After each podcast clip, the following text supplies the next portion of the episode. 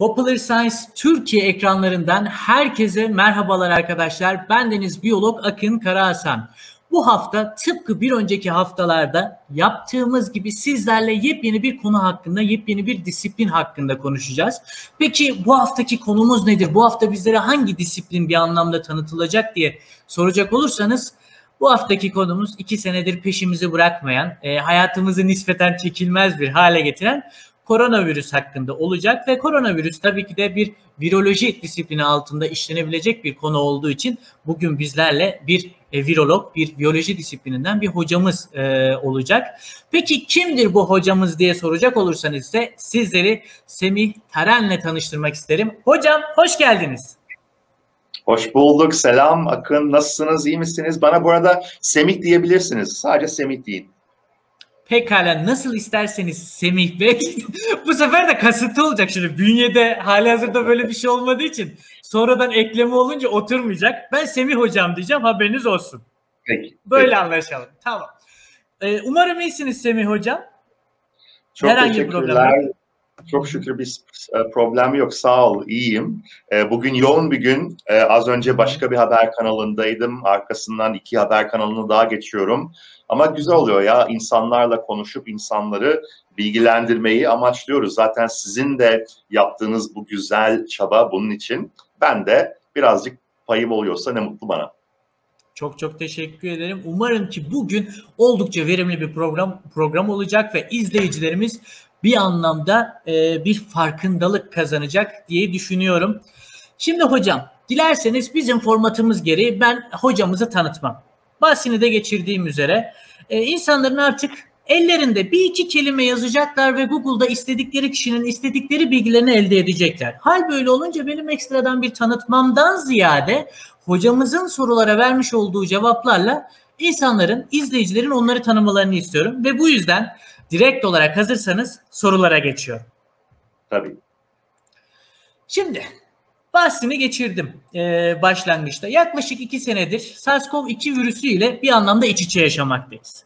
Bu süre zarfında alınan kararlar doğrultusunda farklı zaman dilimlerinde azalışa geçiyor, artışa geçiyor. Ne olacağı bazen kestirilemiyor kısacası.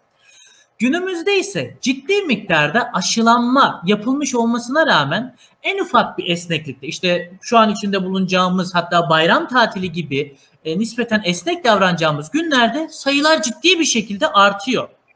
Peki yani ülkemizde yeniden ülkemizde ve çeşitli ülkelerde yeniden bu şekilde ciddi boyutlara ulaşmasının sebebi ne? Biz hala pandeminin bir anlamda başında mıyız? Şimdi ilk seneyi durumu anlamakla, analiz etmekle geçirdik. İkinci seneyi aşılar üzerinden konuşacağız dedik ki öyle de gidiyor ama sanki hala bir şeyleri kaçırıyoruz veya SARS-CoV-2'de bir şeyler farklılaşıyor. Nedir hocam bu konu hakkında bizlere ne gibi bilgiler sunabilirsiniz? Biraz aslında araba kazaları gibi bir durum. Yani şöyle bir araba kazasının olması için birden çok unsurun bir araya gelmesi gerekebiliyor ve araba kazasında birisine e, mal ve can zararının gelmesinde de birkaç unsur bir araya gelebiliyor. Mesela emniyet kemeri takarsanız e, sizin canınıza olan risk azalıyor. E, alkollü kullanmazsanız trafik e, kazası riski azalıyor vesaire vesaire. Ve e, şu anki dünyadaki durumda da durum böyle.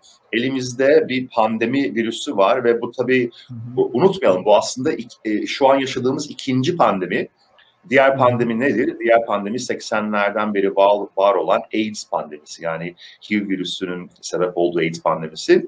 Ve e, SARS-CoV-2, COVID-19 pandemisinde de olduğumuz için e, ne oluyor? Virüsler dünyadaki bütün canlılar gibi mutasyona uğruyor. Biz de mesela insanlar da mutasyona uğruyoruz her gün. E, ve bununla beraber de e, bu virüsün sonuçta e, tarzı biraz değişiyor. İşte buna varyant diyoruz. Varyant nedir? E, mutasyon kümesine varyant denir. Şimdi her mutasyona isim koymaya gerek yok. Çünkü binlercesi var. Bu virüsün binlerce mutasyonu var ama belli mutasyon kümelerine işte bilim insanları kategorize edebilmek için varyant diyorlar ve tabii ki şimdi delta isimli bir varyant var ve o delta varyantının sunduğu e, birkaç zorluklar var gibi gözüküyor.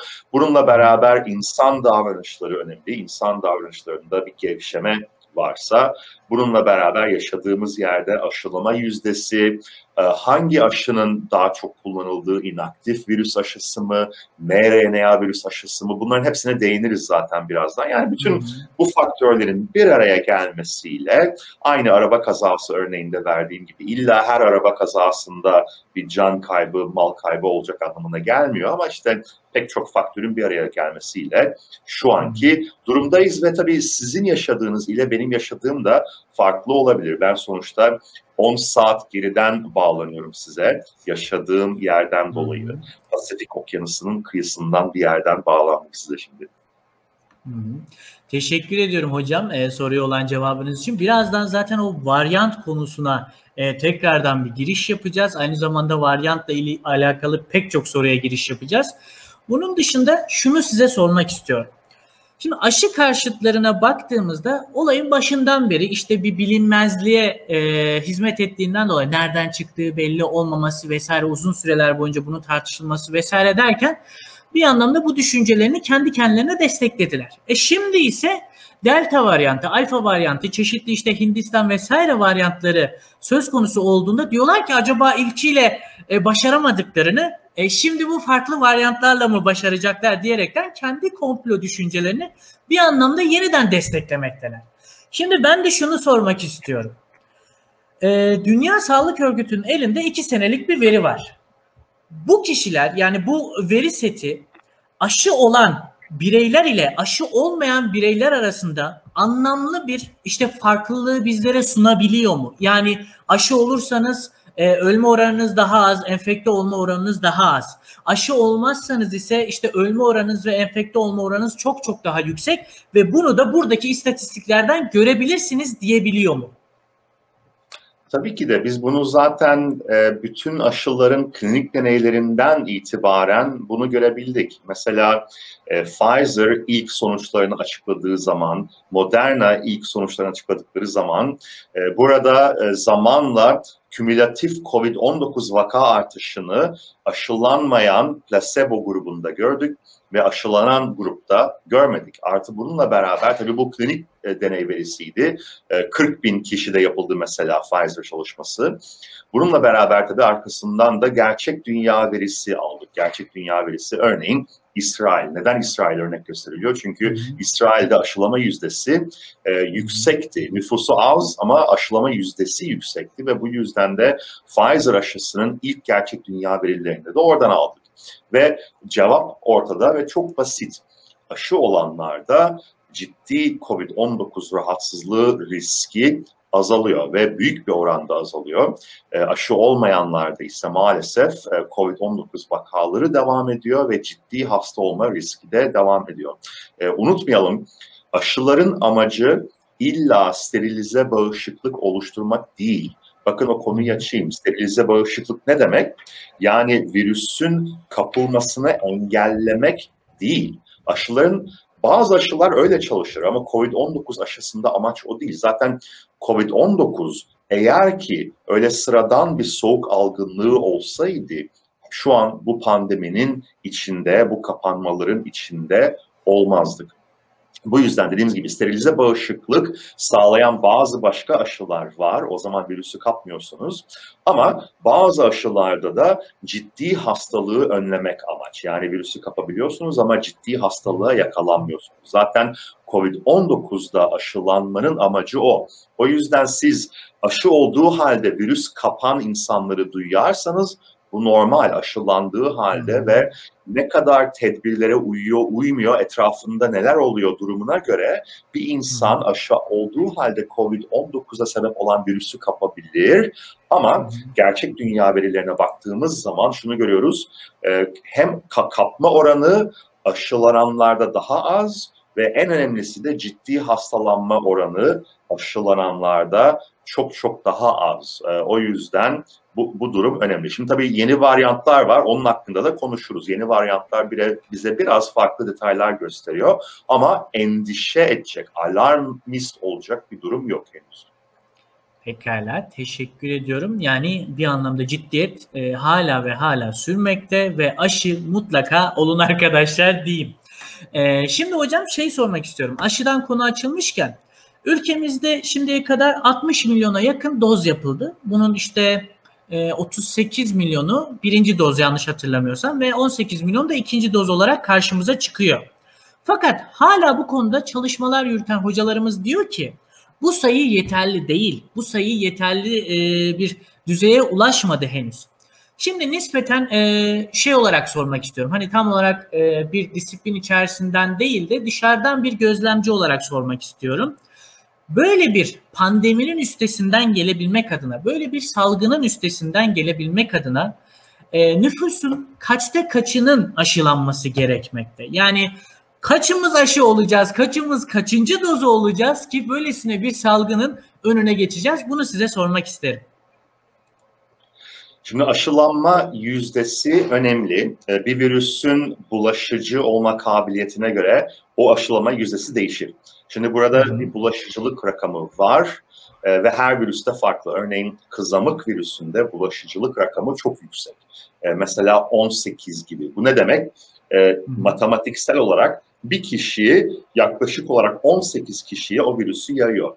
Öyle olduğu için e, orada aşılama yüzdesinin yüksek olması gerekiyor. Yani yüzde 90'ın üzerinde olması gerekiyor ki zaten bu yüzden biliyorsunuz pek çok okulda kızamık e, aşısı zorunlu. E, Covid-19'a geldiğimizde ise Covid-19'un başından beri o yayılma rakamı yaklaşık 2 ila 2,5 gibi gözüküyordu eski varyantlarla. R değerinden bahsediyoruz değil mi? R değeri. Aynen öyle. Çok güzel. Teşekkürler. Hı-hı. Çünkü buna e, R değeri deniyor. E, ve aynı zamanda da e, R not deniyor mesela. R not yani Hı-hı. sıfır. O, o ilk vakadan oluşan sonraki vaka sayısı yüzdesi. Ve e, böyle olduğu zaman da COVID-19 SARS-CoV-2 virüsüne bakınca da yaklaşık 2-3 gibi idi salgın ortalarında. Şimdi Delta varyantıyla biraz daha yüksek olabiliyor bu rakam. Neden? Biyolojik sebepleri var bu. Bir, e, bu varyant hastada daha uzun süre bulaşıcılığa sebep olabiliyor. Örneğin siz e, semptomları yaşıyor iseniz, COVID-19 semptomları ve PCR pozitif iseniz yaklaşık olarak 10 gün karantina zorunluluğu vardı değil mi? Şimdi yeni varyantlarda 10 değil 14-15 güne çıktı. Neden? Çünkü o bulaşıcılık süresi arttı. O bulaşıcılık süresi arttığı için o R değeri de artıyor. Yani aşılanması gereken insan yüzdesi de biraz artmış oluyor. Bir durum daha var. Bu delta varyantında da mesela hücreye daha sıkı bağlandığı bazı deneylerde görüldü. Böyle olduğu için de o R değerindeki artış biraz orantılı şekilde devam ediyor. Eskiden %60, %70 deniyordu. Şimdi büyük ihtimalle aşı ile sürü bağışıklığının olması için %80 gerekebilir. Bunlar tabii matematiksel hesaplar ama bunlar e, istatistiğe ve epidemiyolojiye dayanan hesaplar sonuçta. Bakalım zamanla göreceğiz. Elbette. Teşekkür ediyorum cevabınız için. Şimdi bir anlamda artık e, aşılara tam anlamıyla geçmemiz lazım. Bir aşı perspektifi sunduk ama direkt olarak aşının kendisine gelelim. Özellikle ve özellikle Sinovac aşısından bahsetmek istiyorum. Çünkü neden diye soracak olursanız Sinovac aşısı global anlamda bir güvensizlik var bu aşı üzerinde. Çünkü bunun en temel sebebi BioNTech kadar bir anlamda korunma e, yüzdesi bizlere veremiyor. İşte BioNTech %90'lar seviyesinde yanlış hatırlamıyorsam. Sinovac ise %60'lar dolaylarındaydı. Yani arada %30'a yakın bir e, muazzam bir uçurum var diyebilirim. Özellikle böyle sağlık söz konusu olduğunda. Şimdi bizim ülkemizde dendi ki Sinovac olanlara 3. doz işte aşı vurulabilir dendi. Şimdi benim aklımda sorular e, ne derler cenk etmeye başladı. Üçüncü doz eğer ki hani bir anlamda gerekliyse bunlara neden en başta üçüncü doz olarak çıkmadı? Üçüncü dozla beraber hani ne olacak? Hali hazırda birinci ve ikinci doz vurulduğunda oluşan antikor değeri üçüncü dozda çok ama çok daha yüksek bir pike mi ulaşacak? Çok daha fazla mı salgılanacak artık her ne oluşacak her neyse? Burada durum nedir hocam? Neden üçüncü doza ihtiyaç duyuyoruz veya üçüncü doz gerekli midir? Tahmin edeceğiniz gibi e, aşıların iki doz olarak piyasaya sunulmasının sebebi o dönemki bilimsel verilere dayanıyor. O dönemki bilimsel verilerde de o dönemki varyantlar vardı. Şimdiki varyantlar yoktu.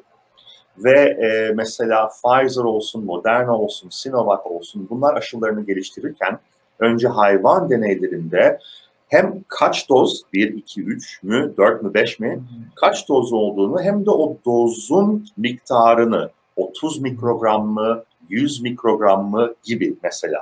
Ve bu deneyleri yaparak önce hayvanlarda modelleşme sağladılar. Sonra faz 1 deneylerinde insanlarda işte hadi 30 30 mikrograma bakalım, 100 mikrograma bakalım. Ona göre hangisi iyi antikor, hangisi iyi hücresel bağışıklık sağlıyor ise ona göre faz 2'yi ve ona göre de faz 3'ü oturtup deneyelim. Ve faz 3'te de zaten gördük ki Sinovac olsun, Pfizer olsun, Moderna olsun ellerinde e, yeterli etkinlik verisi bulundu ve bu yeterli etkinlik verisiyle acil kullanım onayı verildi. Zaten acil kullanım onayı için yeterli veri şartı var. E, yeterli veri yoksa zaten bu tür aşılar onaylanmaz. Ne kadar uzun, 10 sene bile olsa onaylanmaz. 20 sene bile olsa onaylanmaz. Yeterli veri şartı önemli ki burada yeterli veri vardı.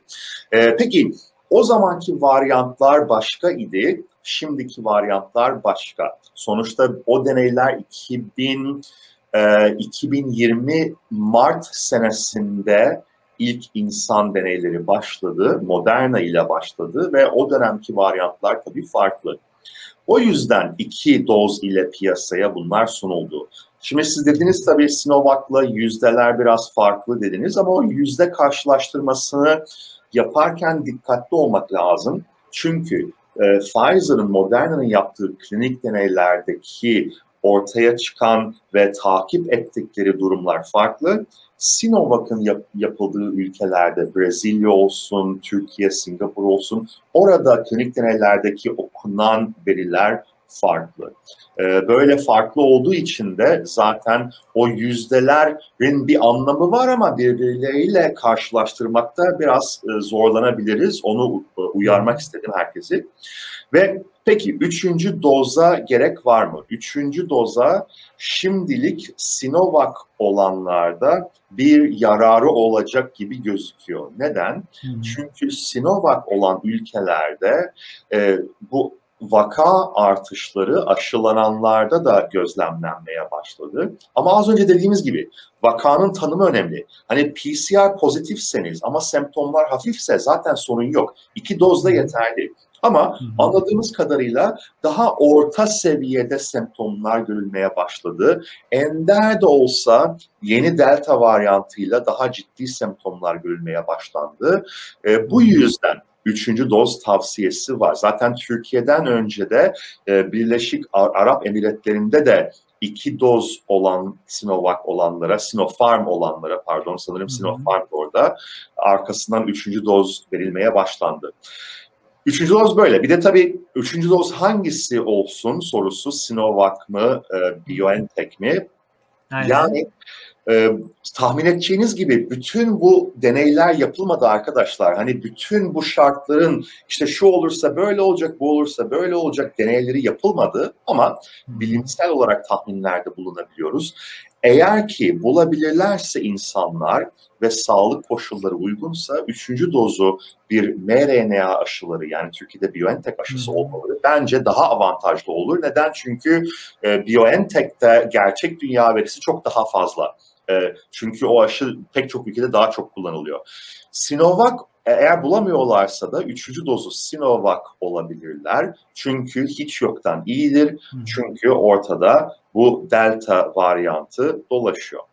Ee, ama unutmayalım sadece ve sadece aşı ile kurtulduk anlamına gelmiyor. Zaten başından beri kimse aşı ol, olun herkes bitecek bu iş değil aşılama yüzdesi önemli, yaşadığınız yerdeki insanların davranışları önemli ve e, yaşadığınız yerdeki vaka sayısı yüzdesi ve varyant yüzdesi önemli.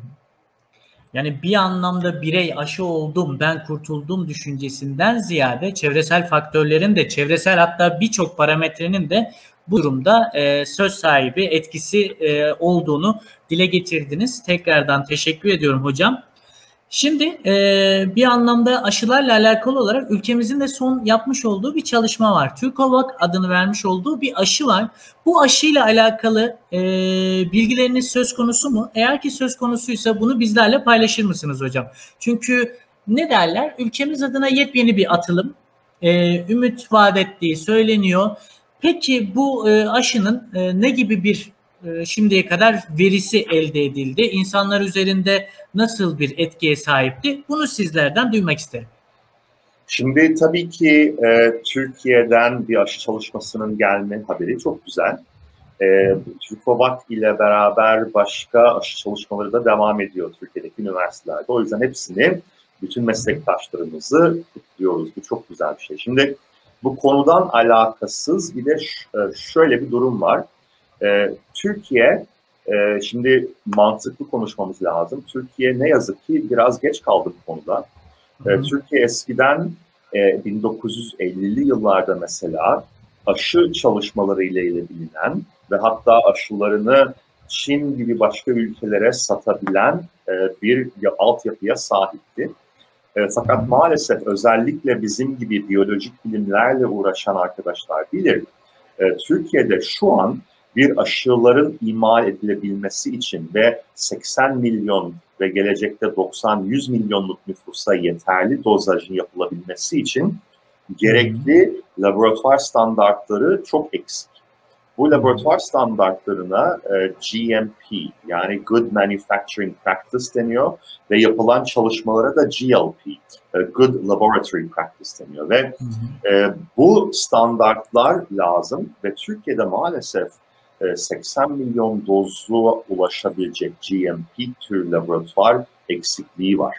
Neyse e, bu gerçeklerin farkında olalım ama yine de başarımızı kutlayalım elbette. Ve tabii Türkovak aşısının biraz açalım. Bu bir inaktif virüs aşısı. İnaktif virüs aşısı olduğu için Sinovac, Sinopharm ve Hindistan'daki Corvaxin'e benziyor. Onların onlar da inaktif virüs aşıları. Peki aradaki fark ne? Mesela Sinovac'ta virüs inaktive edilme şekli kimyasal ile e, beta beta propilakton isimli sanırım yanlış hatırlamıyorsam bir kimyasal ile inaktif hale getiriliyor. E, Türkovak'ta ise e, radyasyon kullanarak inaktif hale getiriliyor. E, bu fark bu. Onun dışında klinik deneylerde ve e, aşılama noktasında dozaj farkı olabilir. Ben Türkovak'ın kullandığı dozajı bilmiyorum tam olarak. Ona bakmamız lazım. Ama dozaj farkı olabilir. Bu dozaj farkı niye önemli? Çünkü diğer inaktif virüs aşılarına kıyasla eğer farklı bir dozaj kullanıyorsa belki farklı bir etkinlik gösterebilir. Ama bunun dışında şunun farkında olmalıyız ve gerçekçi olmalıyız. Az önce dediniz zaten Sinovac aşısının yapıldığı ülkelerde 2 değil 3 doz veriliyor. Neden? Çünkü BioNTech mRNA aşıları kadar yeni varyantlara çok etkili değil gibi gözüküyor. Ee, ve Türkovak içinde bu durum söz konusu olabilir. O yüzden Türkovak çalışmalarında belki üçüncü doz veyahut da daha yüksek bir dozaj gerekebilir. Eminim bilim insanlarımız bunu zaten düşünmüştür ve ona göre bakıyorlardır.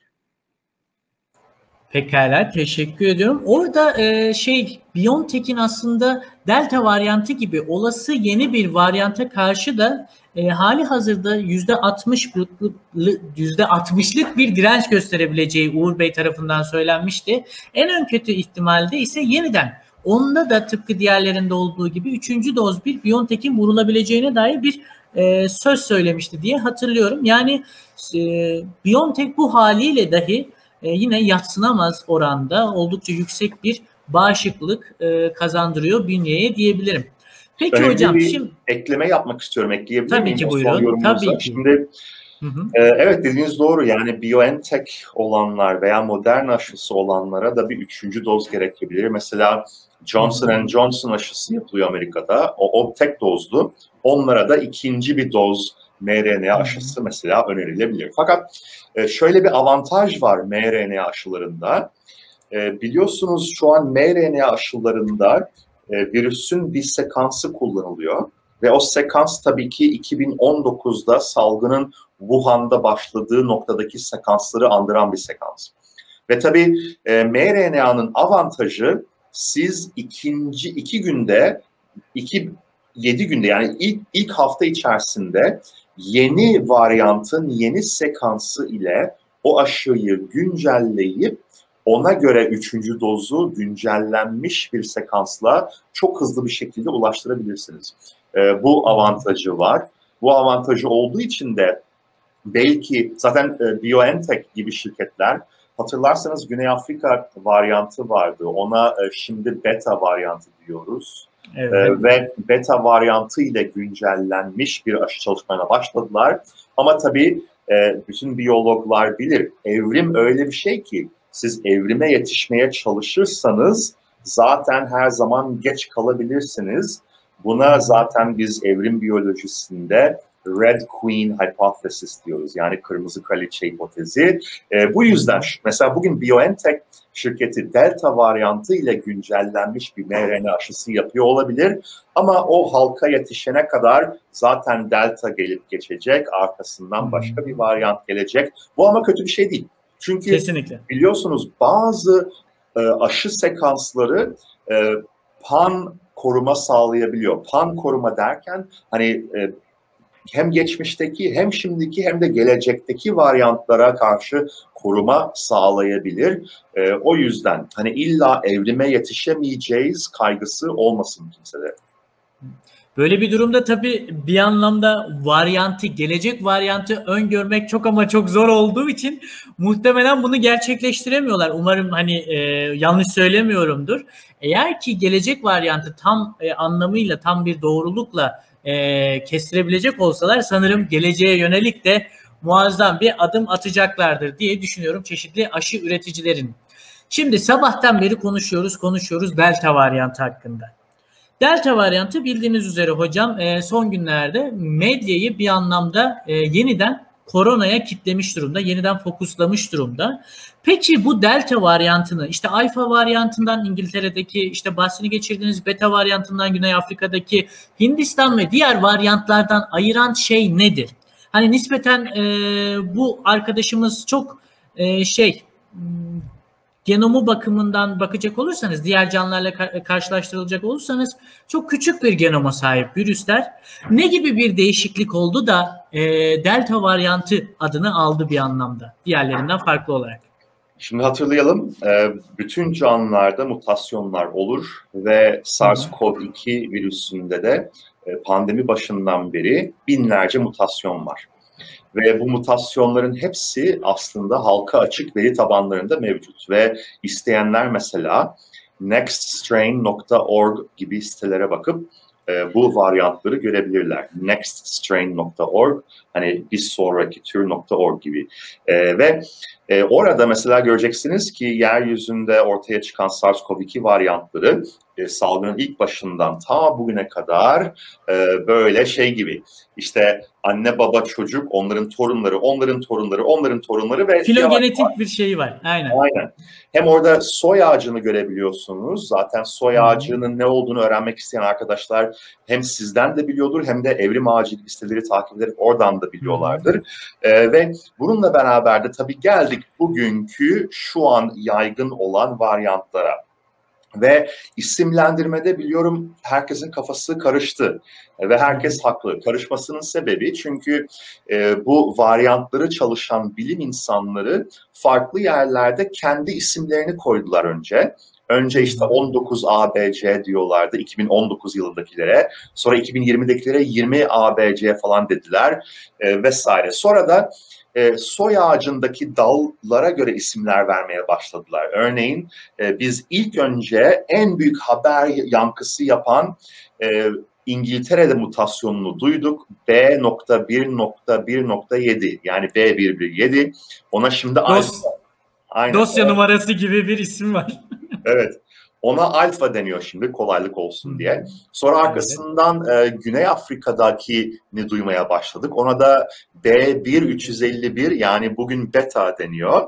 E, arkasından da Hindistan'da tabii o, o dönemde de e, Brezilya'daki varyantı duymaya başladık. Ona da P1 deniyordu. Şimdi gamma deniyor.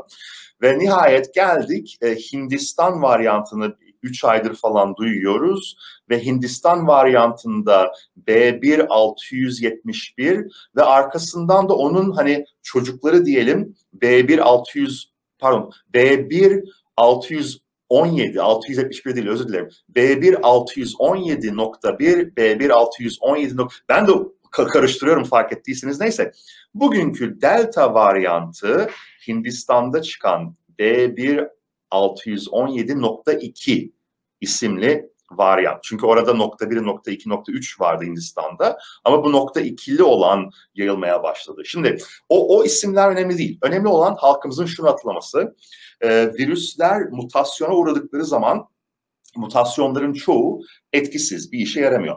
Bazıları zararlı, virüsü öldürüyor veya virüs yayılamıyor. Ee, onlar zaten kayboluyor, gidiyor. Onları görmüyoruz bile. Bazıları da çok ender olarak bir avantaj sunabilir. Avantaj ne olabilir mesela? Atıyorum bir insanda e, 10 gün değil 20 gün kalabiliyorsa o virüs.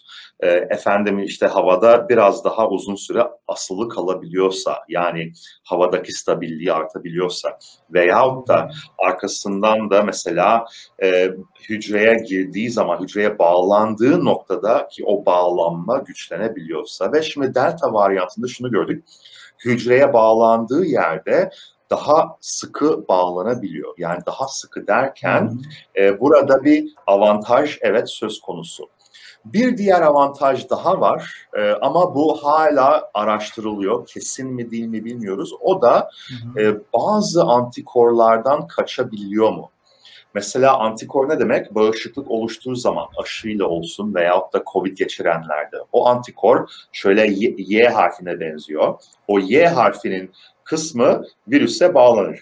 Ve o bağlanma noktasında eğer virüsün yüzeyinde mutasyonlar varsa, o kaçışı sağlıyorsa o zaman bağışıklıktan kaçma söz konusu olabilir. Bu konuda kesin bir şey söyleyemiyoruz çünkü sadece antikorla iş bitmiyor.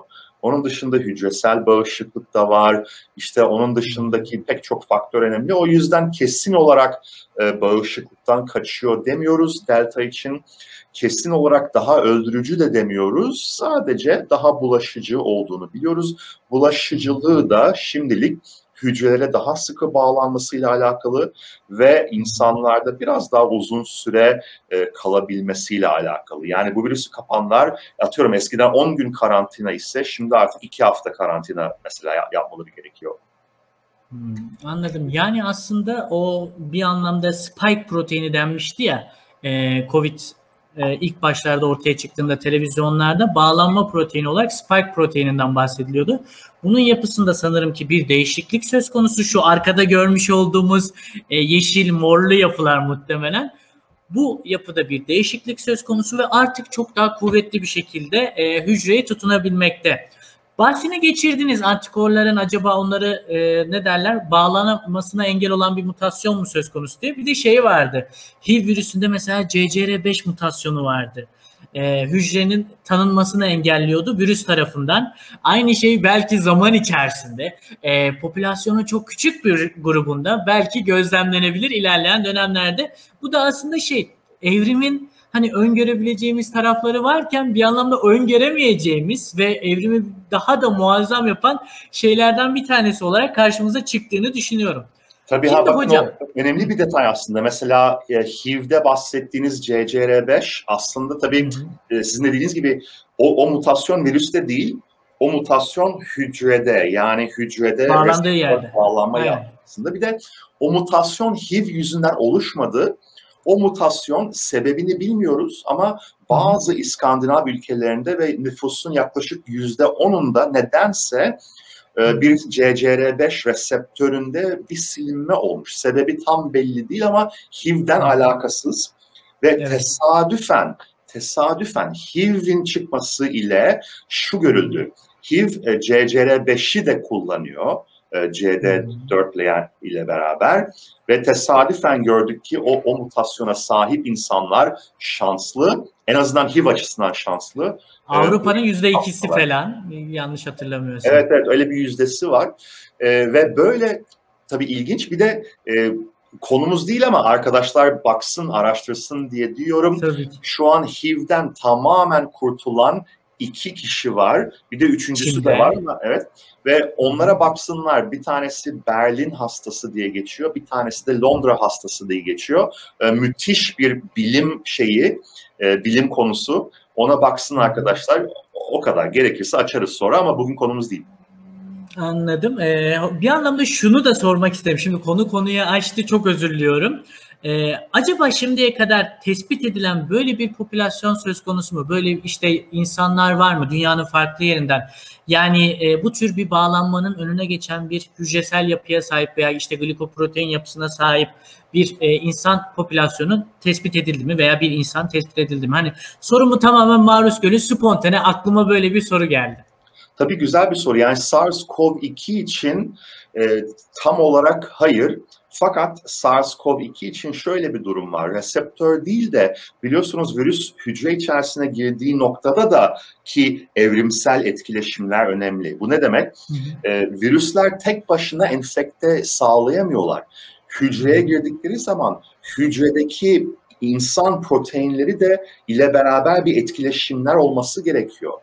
Ee, ve insan proteinlerinden bazılarının farklılıklarından dolayı mesela e, kimisinde daha ciddi COVID, kimisinde daha az ciddi COVID gibi bazı hipotezler var ama Hı hı. tam olarak bilmiyoruz. Hatta şunu da ekleyeyim, e, bazı çok ilginç vakalar görüldü COVID-19'la. E, ikizler var mesela, tek yumurta ikizleri ve tek yumurta ikizleri ikisi de COVID-19'u kapıyorlar. Bir tanesi çok hafif geçiriyor, diğeri ise hastanelik olup ciddi geçiriyor. Bu örnek niye önemli? Çünkü izleyicilerimiz bilir tek yumurta ikizlerinde genetik tıpatıplık var. Yani genetik aynılık var. Ee, tabii genetik aynılık artık yeni bir konu yeni bir konuya. Çünkü epigenom konusu. Yani sizin DNA sekansınız tıpatıp aynı olabilir ama yapılan epigenetik farklılıklar olur. Epigenetik ne demek? DNA dizimi aynı fakat hangi DNA ne yapıyor, nasıl baskılanıp nasıl açılıyor o epi, epigenom ve epigenetik konusu orada tabii farklılıklar olabilir e, tek yumurta ikizlerinde bile. Çevresel etkiler zaten e, otomatik çevresel de da önemli. etti. Stresler aynen öyle. Teşekkür ediyorum hocam. Şimdi bir anlamda temel bir soru sormak istiyorum. Hani hali hazırda ağır soruların bir anlamda üstesinden geldik. Şimdi temel bir soru sorup ardından da biraz e, düşünsel bir soru sorup programımızı bitirmek istiyorum. Peki bu temel sorum nedir diye soracak olursanız aslında birkaç kez bahsini geçirdiniz. Şimdi halkımız tüm dünyadaki aslında insanlar bir anlamda biyoloji disiplininden terminolojiyle iç içe kaldılar bu pandemi döneminde.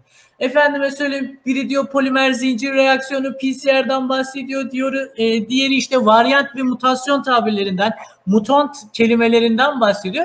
Şimdi bir biyolog olarak muazzam hoşuma gidiyor. Ben onu bir söyleyeyim.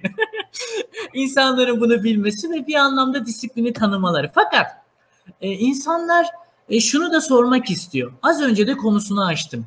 Virüs nispeten çok e, küçük bir genetik hazineye sahip, genetik bir materyale sahip. Ve bu genetik materyalde meydana gelen değişiklikler onun bize nazaran çok daha büyük bir yüzdesini kapsamakta. Yani küçük bir proteini değiştiğinde onun mesela yüzde onluk bir dilimini kapsarken genetik materyalinin atıyorum farazi bizimkinin yüzde sıfır sıfır sıfır birini kapsıyor diyelim ki. Hal böyle olunca acaba diyor hani neden bu bir yeni bir tür olarak adlandırılmıyor da varyant olarak adlandırılıyor. Çünkü ben bakıyorum diyor muazzam bir farklılık var. Bunun aynısı çitada olsa yeni çitaya bambaşka bir isim vermem lazım diyor. Neden? Virüste bu durum farklı varyant olarak adlandırılıyor. Bakteri için de aynısı geçerli sanırım. Suş olarak adlandırılıyor onlarda da. Bu durum neden böyledir hocam? Biraz temele dönüp sizden bu sorunun cevabını merak ediyorum. Şimdi güzel bir soru. Ee, aslında bu Hı hı. soruyu sorarken şöyle diyebiliriz. Koronavirüsleri ailesine baktığımız zaman binlerce koronavirüsü var. Peki neden bunlara farklı türler deniyor? Mesela neden SARS-CoV-2 MERS'ten farklı ve. MERS neden e, SARS-CoV-1'den farklı mesela? Ve bunun dışında biliyorsunuz e, zaten seyirciniz bunu biliyordur. Bu ilk e, COVID-19 ilk e, koronavirüs pandemisi değil.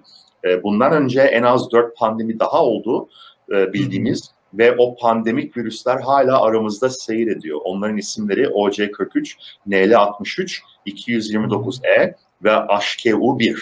Ee, onlar hala her sene e, vakalara sebep olabiliyor ve çoğu insanda o vakalar hafif ama yine ciddi vakalar olabiliyor. Neyse.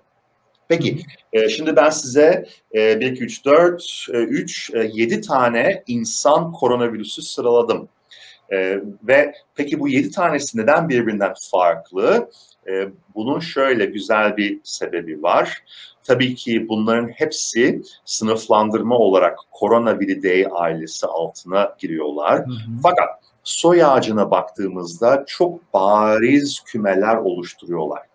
Ve bunların tabii ortak atası olsa da bunların ortak atası e, binlerce yıl ön, öncesine gidiyor.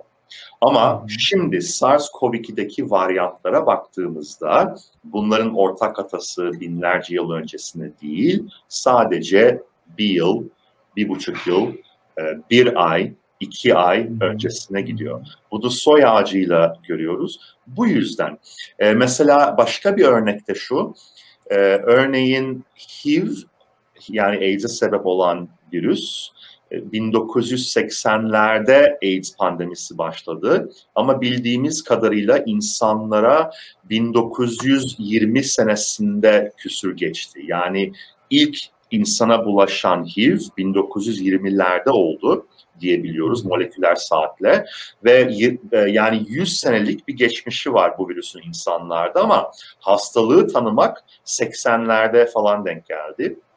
Ve bu yüzden de biz ona hala aynı isim, aynı ismi veriyoruz. HIV-1 diyoruz mesela. Hmm. Fakat kökeni farklı ise ki mesela insanlara HIV bir değil birden çok kez geçti.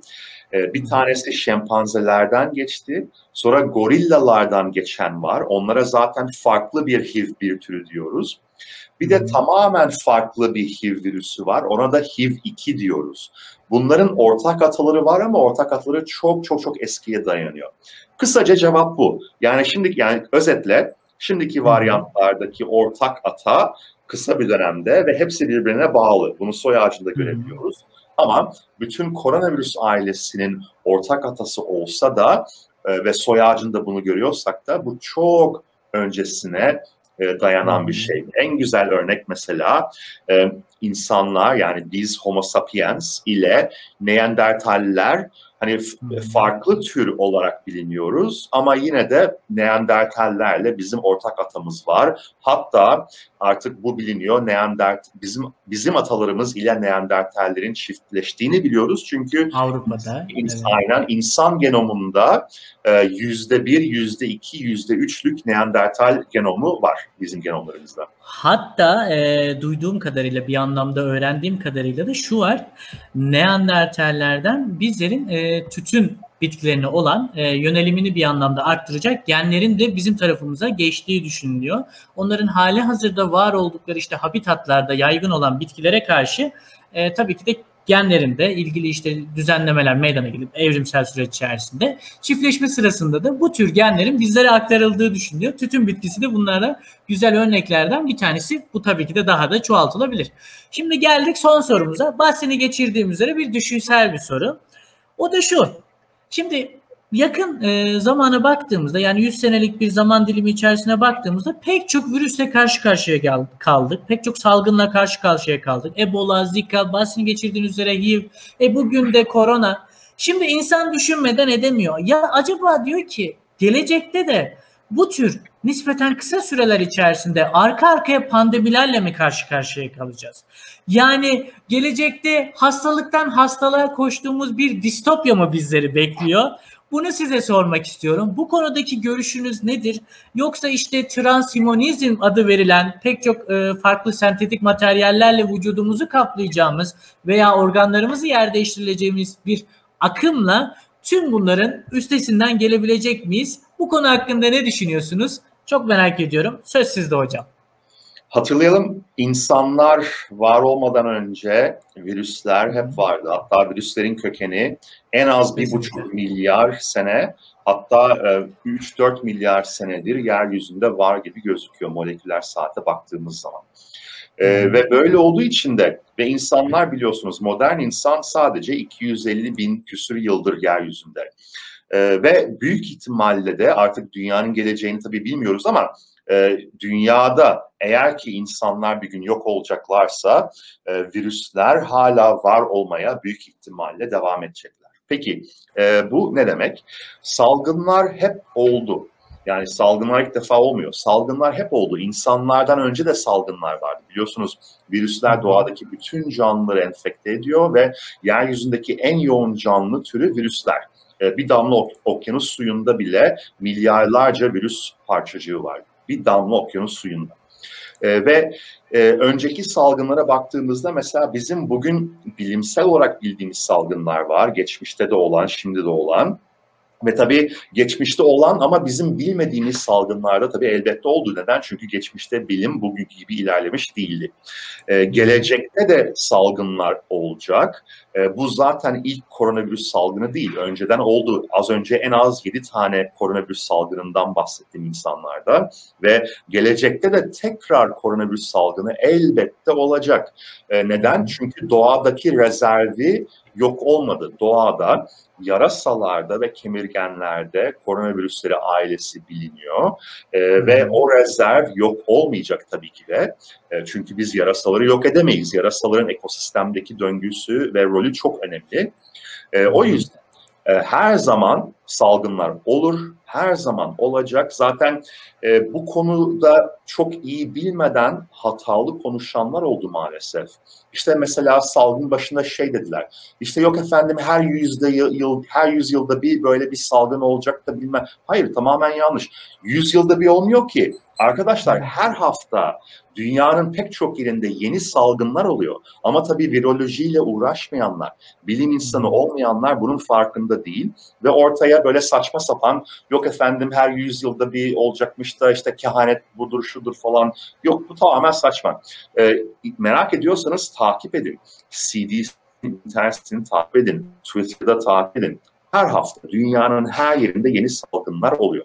Mesela 1980'lerden önce AIDS diye bir şey duymamıştık. Artık AIDS bir pandemi. E, ee, 2019'dan önce COVID-19'u duymamıştık. Koronavirüsleri vardı ama koronavirüslerini duymayanlar ilk kez koronavirüsü duymaya başladılar.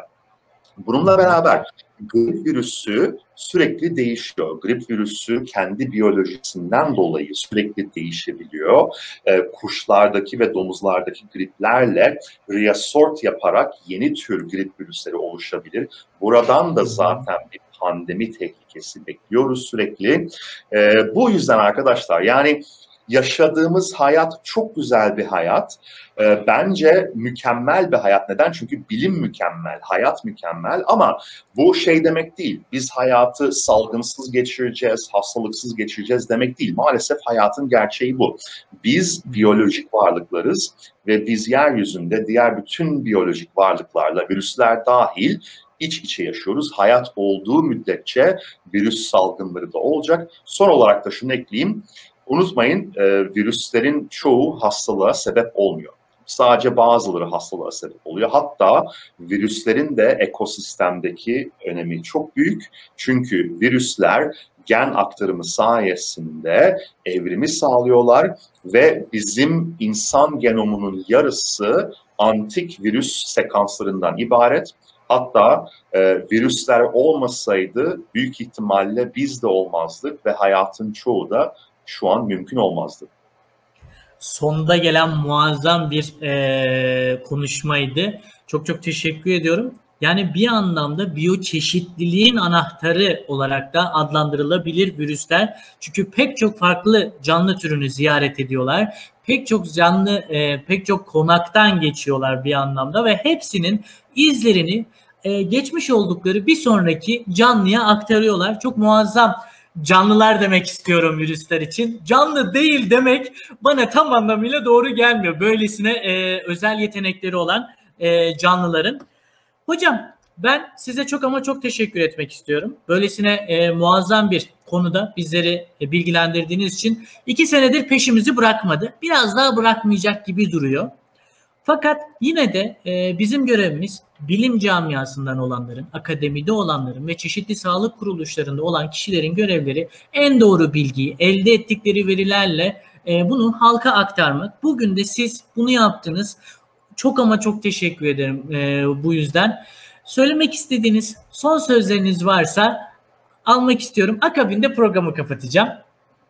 Tabii arkadaşlar tabii e, çok yoruldu e, sıkıldılar. E, Covid-19'un psikolojik yönü de çok ağır bastı. Sağlık yönü de çok ağır bastı. Covid-19 kapmasa bile insanlar, e, işte insanların sağlığı etkilendi. E, böyle olduğu için tabii e, hepimiz aslında beraberiz. Hepimiz yani bu çilenin içerisinde bulduk. Ee, biz bilim açısından bakıyoruz. Halkımız ise merak merak ve endişeyle bakıyor. Biz de sonuçta endişeliyiz yani sevdiklerimizin korunmasını, iyi olmasını istiyoruz. Ama e, güzel bir haber var. O haberde artık aşılar var. Her virüse karşı aşı bulunmuyor. Aşısı bulunmayan bir sürü virüs var. Hem de onca yatırım ve çalışma olduğu halde. Sebebi ise virüslerin birbirinden biyolojisi farklı. Virüslerin bizle olan iletişimi, etkileşimi farklı. O yüzden illa her virüste aşı bulunacak diye bir şart yok. Örneğin HIV'e aşı yok, Zika'ya aşı yok. Ondan sonra efendim denge virüsüne aşı yok. Çocukların hastanelik olmasına sebep olan solunum virüslerinden bir tanesi RSV yani Respiratory Syncytial Virus. Buna 40 senedir aşı geliştirilmeye çalışıyor. Hala aşısı yok. Ee, ve ama biz şanslıyız. COVID-19'a karşı etkin aşılar var. O yüzden e, artık az kaldı sabredin. E, eğer ki sağlığınız uyuyorsa aşınızı olun. Aşı olduğunuz halde de mantıklı tedbirlere devam edin. Mantıklı tedbir ne demek? Yaşadığınız ortamda varyant varsa, hangisi varsa, aşılama yüzdesinde falan filan. Az önce en başta zaten araba kazası örneğini verdim. Sizin emniyet kemeri takmanız illa araba kazası olmayacak anlamına gelmiyor. Etrafınızdakilerin ne yaptığı önemli e, ve yolların kalitesi falan filan pek çok faktör önemli olduğu gibi siz de emniyet kemerinizi takın ama e, etraftaki e, duruma göre de açık e, göz kulak olun ve kendinizi dikkat edin. Çok teşekkür ederim tekrardan hocam. Sizinle tanışmak büyük bir zevkti. Ben e, şimdilik size çok ama çok teşekkürlerimi sunup uğurlamak istiyorum. Akabinde programı kapatıp izleyicilerime veda edeceğim hocam. Çok teşekkürler. Çok memnun oldum. Harika, aynı çok şekilde. keyifli bir sohbet oldu. Benim için de aynı şekilde çok ama çok keyif aldım bu sohbetten ve bir anlamda koronavirüsle alakalı olarak bilgilerimi tazeledim. Umarım ki izleyicilerimiz için de aynısı geçerlidir diyorum ve teşekkürlerimi ediyorum hocam. Hoşçakalın, kendinize iyi bakın. Hoşçakalın. Evet değerli izleyenler bu haftada tıpkı bir önceki haftalarda olduğu gibi sizleri yepyeni bir disiplin içerisinden bir konuyla karşı karşıya getirdim. Bu konu bahsini geçirdiğimiz üzere pek çok kez iki senedir peşimizi bırakmayan bir konu ama tamamen doğal bir sürecin ürünü. Umarım ki bugün bu e, sonda demiş olduğum e, kavramı e, tam anlamıyla sizlere aktarabilmişizdir ve bir anlamda farkındalık sağlayabilmişizdir. Haftaya yepyeni konularla karşınızda olmak dileğiyle o zamana kadar kendinize çok iyi bakın, sağlıklı kalın, hoşça kalın arkadaşlar.